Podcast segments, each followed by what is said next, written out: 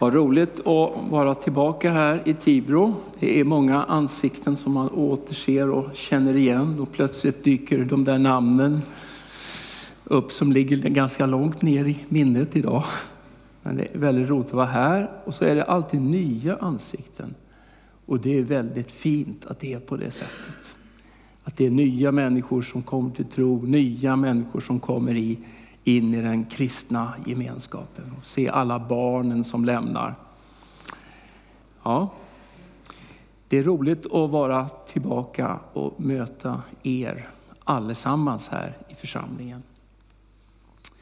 Vi bodde här ett antal år, åtta år tror jag. Vi flyttade härifrån 1995 och kom hit 87.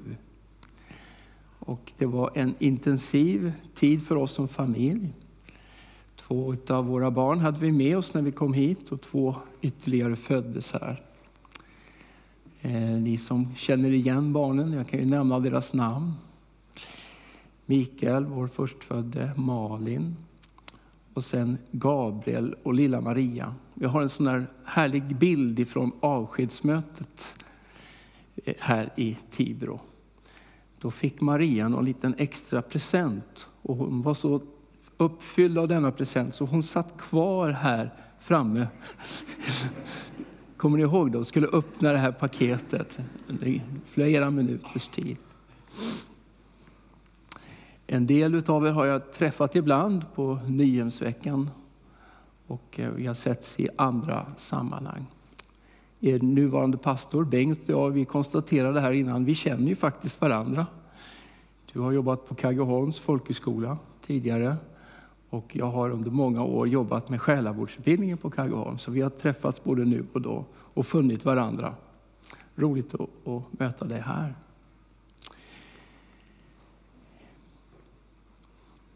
Jag ska läsa en text ifrån Gamla testamentet från profeten Hosea. Och han är den, den första utav småprofeterna som man brukar kalla dem för. Fast de har ju verkligen någonting att komma med.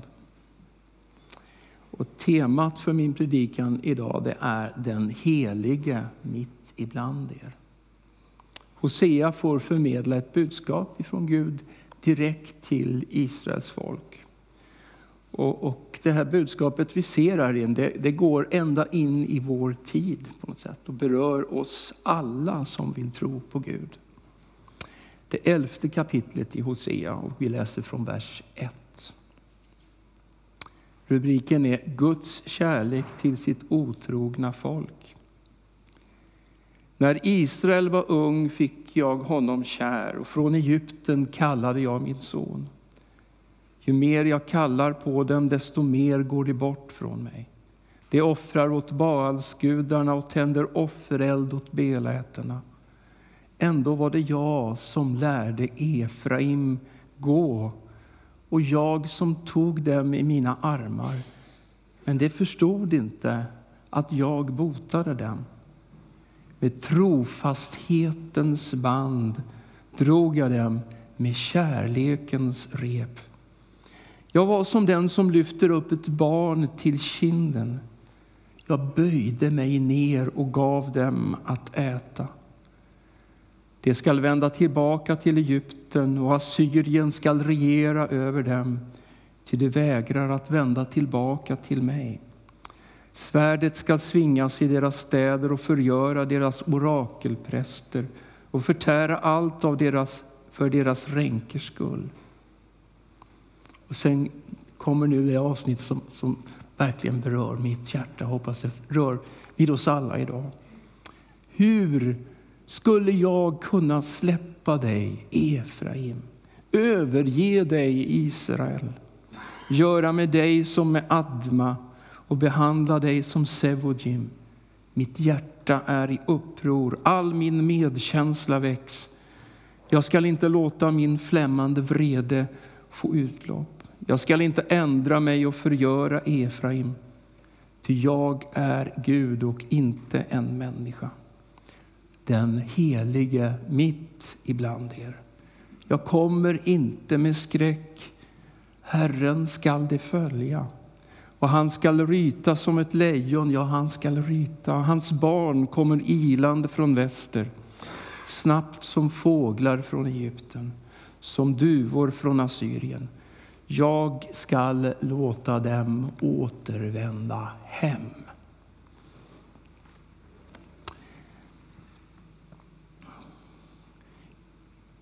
En hel del av oss här vi har fått se och höra talas om hur Israels folk, judar över hela världen, har hittat tillbaka till sitt hemland Israel. Och när det skedde, det var ju lite före min tid egentligen, då upplevde alla som var troende att nu går de profetiska orden i uppfyllelse. Och vi har det i den här texten och på flera håll i Gamla testamentet. Vad menar Gud med att älska ett särskilt folk? Fast vi förstår att egentligen älskar han alla människor. Och när vi läser Bibelns allra sista bok som är det är som att Johannes, den gamla aposteln som är över 90 år gammal, han blev fängslad och förd till ön Patmos i den grekiska arkipelagen. Och så påminner han sig om vilken dag det är. Jo, det är Herrens dag. Den dag då Jesus uppstod från de döda, den första veckodagen. Och så står han där och tillber inför Gud. Och så öppnar sig himlen och han får se in i den eviga verkligheten. Uppenbarelsebokens budskap är ibland lite knepigt att förstå alla detaljer. Men jag brukar säga så här att det är inte jag som läser Uppenbarelseboken, utan när jag läser den upplever jag att bibeltexten läser av mitt inre. Även om jag inte förstår allt som står där så känner jag av Guds närvaro. Gud har en plan för varje människa, för mänskligheten. Och han har sänt sin son Jesus Kristus till oss. Och du och jag har fått den här fantastiska nåden att ta emot honom i våra liv. Och ändå, fast vi har gjort det, och du finns kanske här som ännu inte har gjort det, då har du någonting att se fram emot. Vi har mött Guds stora kärlek, men rätt vad det så börjar vi betvivla den. Finns den verkligen?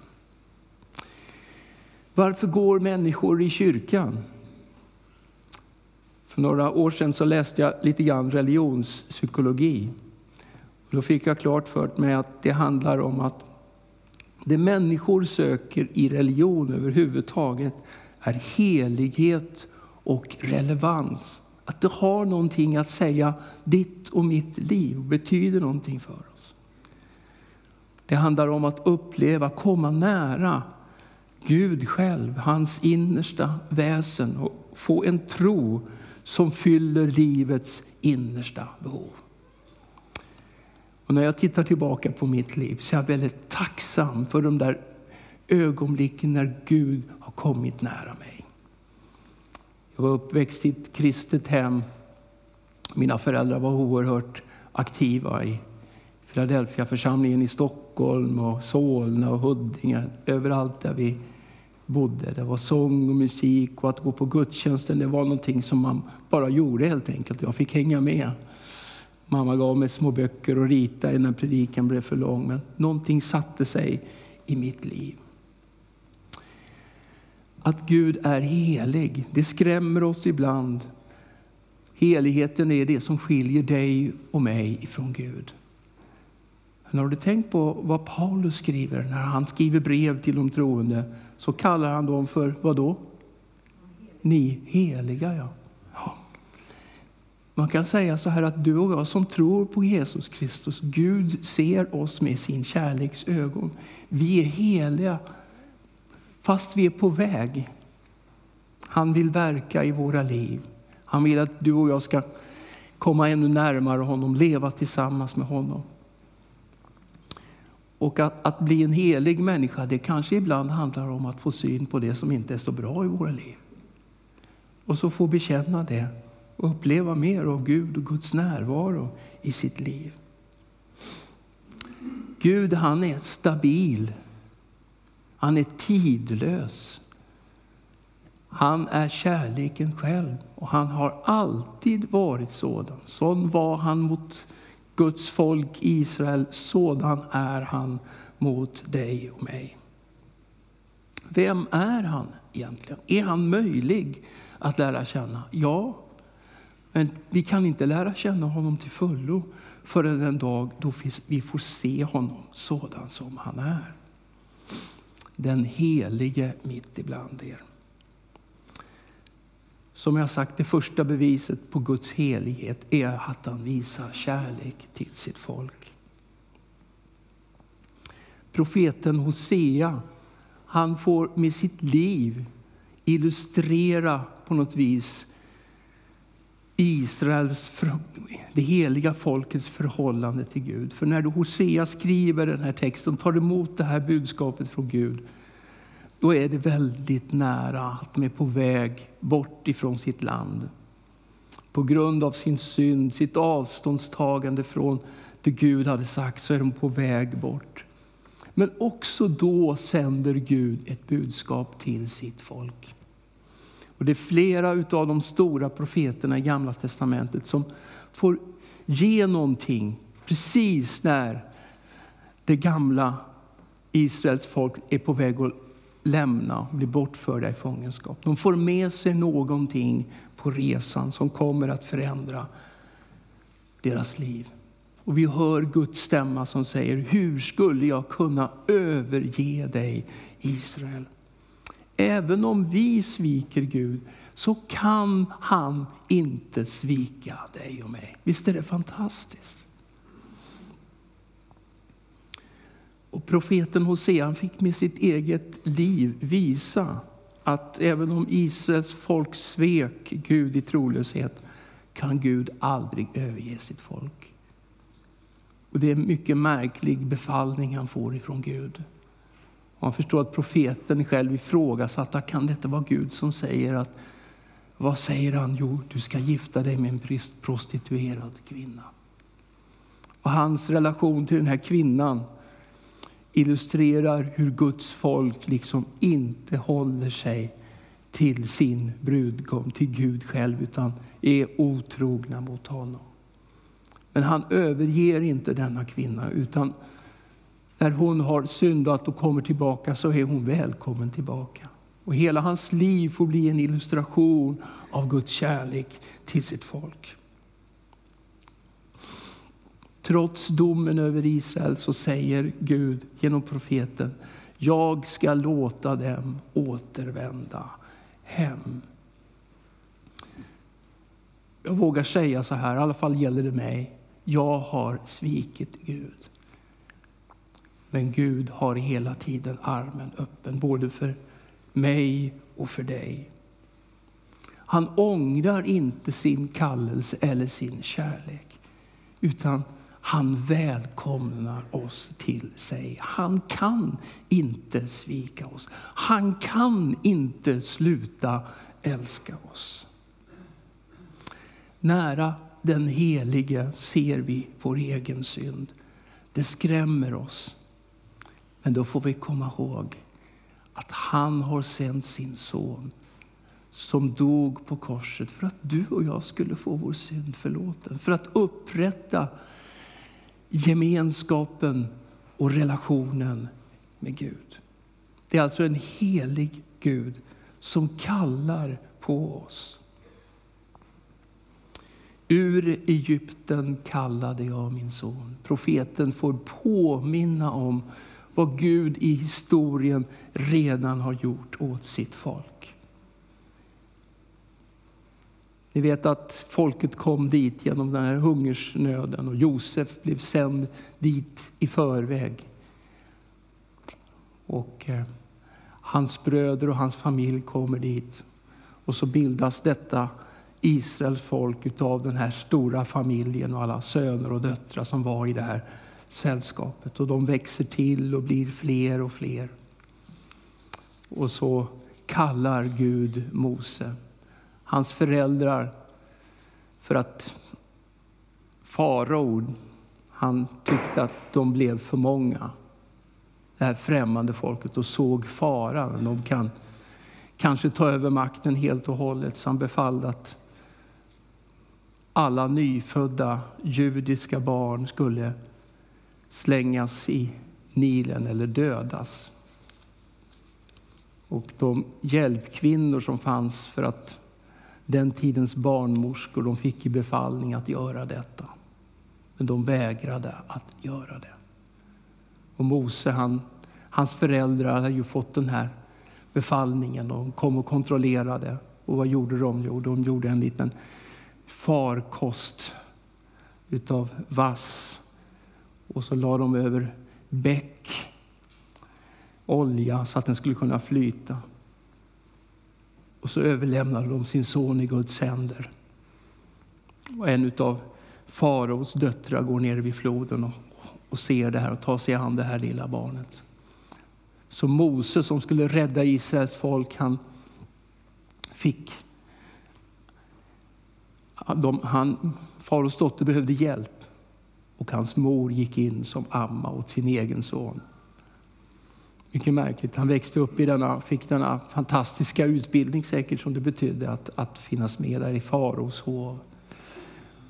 Och till sist så flyr han som ni vet. Han blev så arg när han såg att de som var av hans eget folk blev dödade. Ur Egypten kallade jag min son. Mose får med och får Guds befallning. Det är många under och tecken som sker, men folket befrias och får lämna. Och som ett mirakel så öppnar sig det som nu kallas Sävhavet, Röda havet i gamla bibeltexter. Vattnet stod som en mur på båda sidor. Fiskarna tittade på dem som gick där nere. Och så gick hela folket in i det mot det utlovade landet. Och när egyptiska soldater försökte gå efter så stängdes allt detta. Gud var med sitt folk Israel de fick se hur mycket han älskade dem. Och du och jag, vi kan påminna oss om Jesus Kristus, Guds egen son som har lidit och dött på Golgata kors för att du och jag skulle få uppleva honom. Och för mig är det så, jag tror att jag är inte är ensam, så kan du påminna dig om tillfällen i ditt eget liv då du har upplevt Guds kärlek. Hur han har kallat på dig. Det är fantastiskt. Vilken bild har du och jag av Gud? När man jobbar med själavård, som jag har gjort under många år, då är det ett väldigt viktigt begrepp. Gudsbilden. Hur ser du på Gud? Och Det kan ibland också bero på hur vi ser på oss själva. Vilken självbild har jag? Hur ser jag på Gud? Tänk att få bottna i, i detta, att Gud älskar mig. Jag är viktig, jag är älskad av Gud. Det talas i vår tid väldigt mycket om människovärde. Men det allra djupaste människovärdet vi kan uppleva det har att göra med att ta emot Guds kärlek. Bejaka den i sitt eget liv och få uppleva Guds närhet. Skulle du vara här idag som känner dig främmande för det här, att du aldrig upplevt det, så har du tillfälle idag att öppna ditt hjärta för Jesus Kristus, Guds egen son, som har vandrat ibland oss och visat oss sin kärlek. Och han dog för våra synders skull. Och han uppstod för att vi en dag också ska uppstå tillsammans med honom. Vi har alltså en helig Gud som förlåter oss. Johannes i sitt första evangelium, i sitt evangelium skriver så här. Vi såg hans härlighet. Han skriver om Jesus. Han var fylld av nåd och sanning. Har du märkt vad svårt det är att göra båda sakerna samtidigt? Vi som har försökt uppfostra våra barn, vi tycker ofta att vi har misslyckats. Vi måste försöka hjälpa dem att inse vad som är rätt och riktigt, inte sant? Sanningen ska sägas. Men nåden måste också finnas med. Förlåtelsen måste finnas med. Och sådan är Gud. Han är en helig Gud och han kallar oss. Men han är också den som förlåter oss våra synder. Och för oss människor så är det allra viktigaste uttrycket för Guds kärlek, det är vad Jesus Kristus gör på korset. Hans långa lidande. Om du tänker på hur evangelierna är konstruerade så är det ganska stort utrymme för Jesu lidande. Jesu kamp i Getsemane när han liksom brottas med sitt livsöde, det han vet Gud har lagt ner i hans liv. Han som är själv en del av gudomen. Han ska bli anklagad falskt, han ska bli dömd. Och han kommer att bli dödad på ett kors.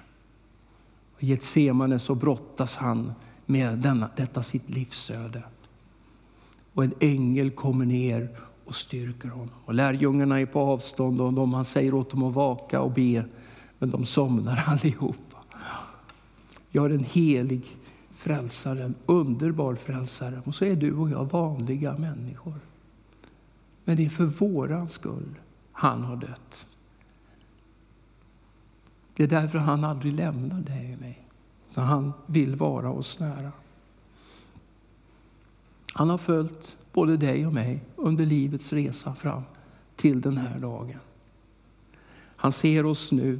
Han är värd vår lovsång och vår längtan och vår tillbedjan. Och honom kan vi med förtroende överlåta våra liv.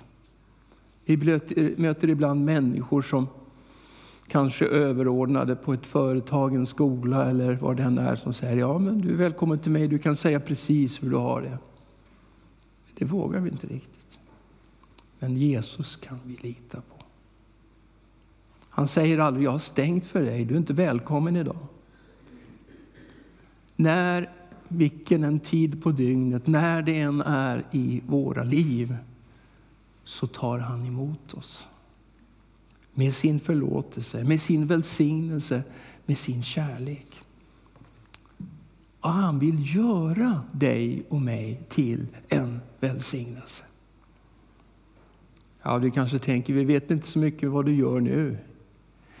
Jag är pensionär sedan ett par år tillbaka. Fortsätter att predika lite grann. Och så har jag börjat att spela pingis igen, som jag gjorde mycket när jag var ung på pingisklubben och träffa helt vanliga människor där. Så frågar de, vem är du? Vad har du gjort? Och vem är det? Ja, jag trivs med detta. Att få vara bland, så att säga, vanliga människor. Och vi är ju det allesammans, inte sant? Men det stora är att Gud älskar oss.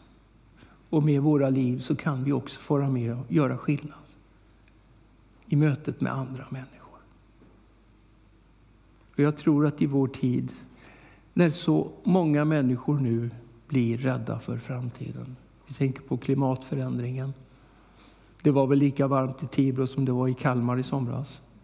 Ja, det gick väl inte knappt under på nätterna förstås, men alltså på dagtid så var det ju 30 och lite plus. Och vi ska inte ta det här liksom som att inte berör oss, för det gör det ju verkligen. Även om vi tror, även om vi vet att Uppenbarelseboken handlar om att, att den här jorden ska liksom nötas ut och att Kristus ska komma tillbaka, så måste vi ändå ta det på allvar, det som händer. Jag tror att Gud vill använda oss i den tid som är nu. Att hålla fast vid hoppet på Jesus Kristus. Vi vet att en dag kommer han tillbaka till den här jorden. Och idag kommer han till var och en som öppnar sitt hjärta för honom. Det är han som förlåter oss våra synder. Det är han som vill leda oss genom sin heliga Ande varje dag genom våra liv. En helig Gud som förlåter. Det finns en gammal biskop, han är nu död, som heter Bo Giertz. En del av er har kanske hört honom predika någon gång. Han har skrivit en mycket intressant bok som han heter Stengrunden. Där man får möta människor i olika tider och deras brottningskamp med Gud. Eh, en del av hans bok har, har filmatiserats och visats på tv vid något tillfälle. Och där är det en gammal man som heter Johannes som har gått i kyrkan och som har läst syndabekännelsen och tagit emot förlåtelsen ifrån prästen i kyrkan. Men nu är han gammal och han plågas när han inför döden alla gånger. Du förlät mig, Gud, men ändå så gjorde jag så. Och en ung präst, Savonius heter han nog, han är inte riktigt färdig prästen. Han får uppdrag av den lite äldre kyrkoherden att gå dit, det är något nyttigt för dig. Och han försöker säga till den här Johannes, ja men du är, jag har ju varit from, du har gått i kyrkan hela ditt liv. Men det hjälper honom inte ett skvatt. En annan, en kvinna som var med i ett annat fromt sammanhang, hon kommer dit. Och så säger hon, han berättar, ja, men det är en stor syndare, säger han. Så berättar han hur han har svikit Gud. Ja, det är sant, säger hon. Du, Johannes, är en stor syndare. Men Jesus är en stor frälsare. Du har mött honom tidigare i ditt liv och hans barmhärtighet finns här och nu. Och hela scenen förändras. Johannes tar till sig det här budskapet och prästen som hade tänkt att inför döden så skulle den här mannen få ta emot de heliga gåvorna, nattvardens bröd och vin. Johanna har liksom öppnat dörren och nu är den gamle Johannes redo. Och det blir en sån där helig stund när de firar nattvard tillsammans. Och den här mannen får bottna i vad Gud har gjort i hans liv. Nåden räcker. En underbar scen. Och han sa så här, hade jag inte hört änglarna sjunga när jag smakat förlåtelsens sötma men ändå vikit av från Gud, säger han. Men allt detta försvinner när han får en gång till bekänna sin synd och ta emot Jesus i sitt liv. Herren är närvarande idag i vår gudstjänst genom sin heligande. Ande. Han vet hur vi har det och han älskar dig och mig och han kallar oss till sig den här stunden. Ska vi be tillsammans? Herre, vi tackar dig för att du är mycket större. Mycket mer barmhärtig, mycket mer kärleksfull än vi någonsin kan förstå. Tack för att du lämnade himlens härlighet. Tack för att du dog på korset. Tack för att du uppstod och är levande. Tack för att vi en dag ska få möta dig. Herre, du vet var vi, var och en av oss befinner idag, oss. Och Herre, vi har det gemensamt att vi är alla beroende av din nåd och kärlek. Tack för att du är här för att röra vid våra hjärtan. Tack för att du är här för att fylla oss med din glädje, med din kärlek och med din heligande. Vi prisar dig tillsammans. I Jesu namn. Amen.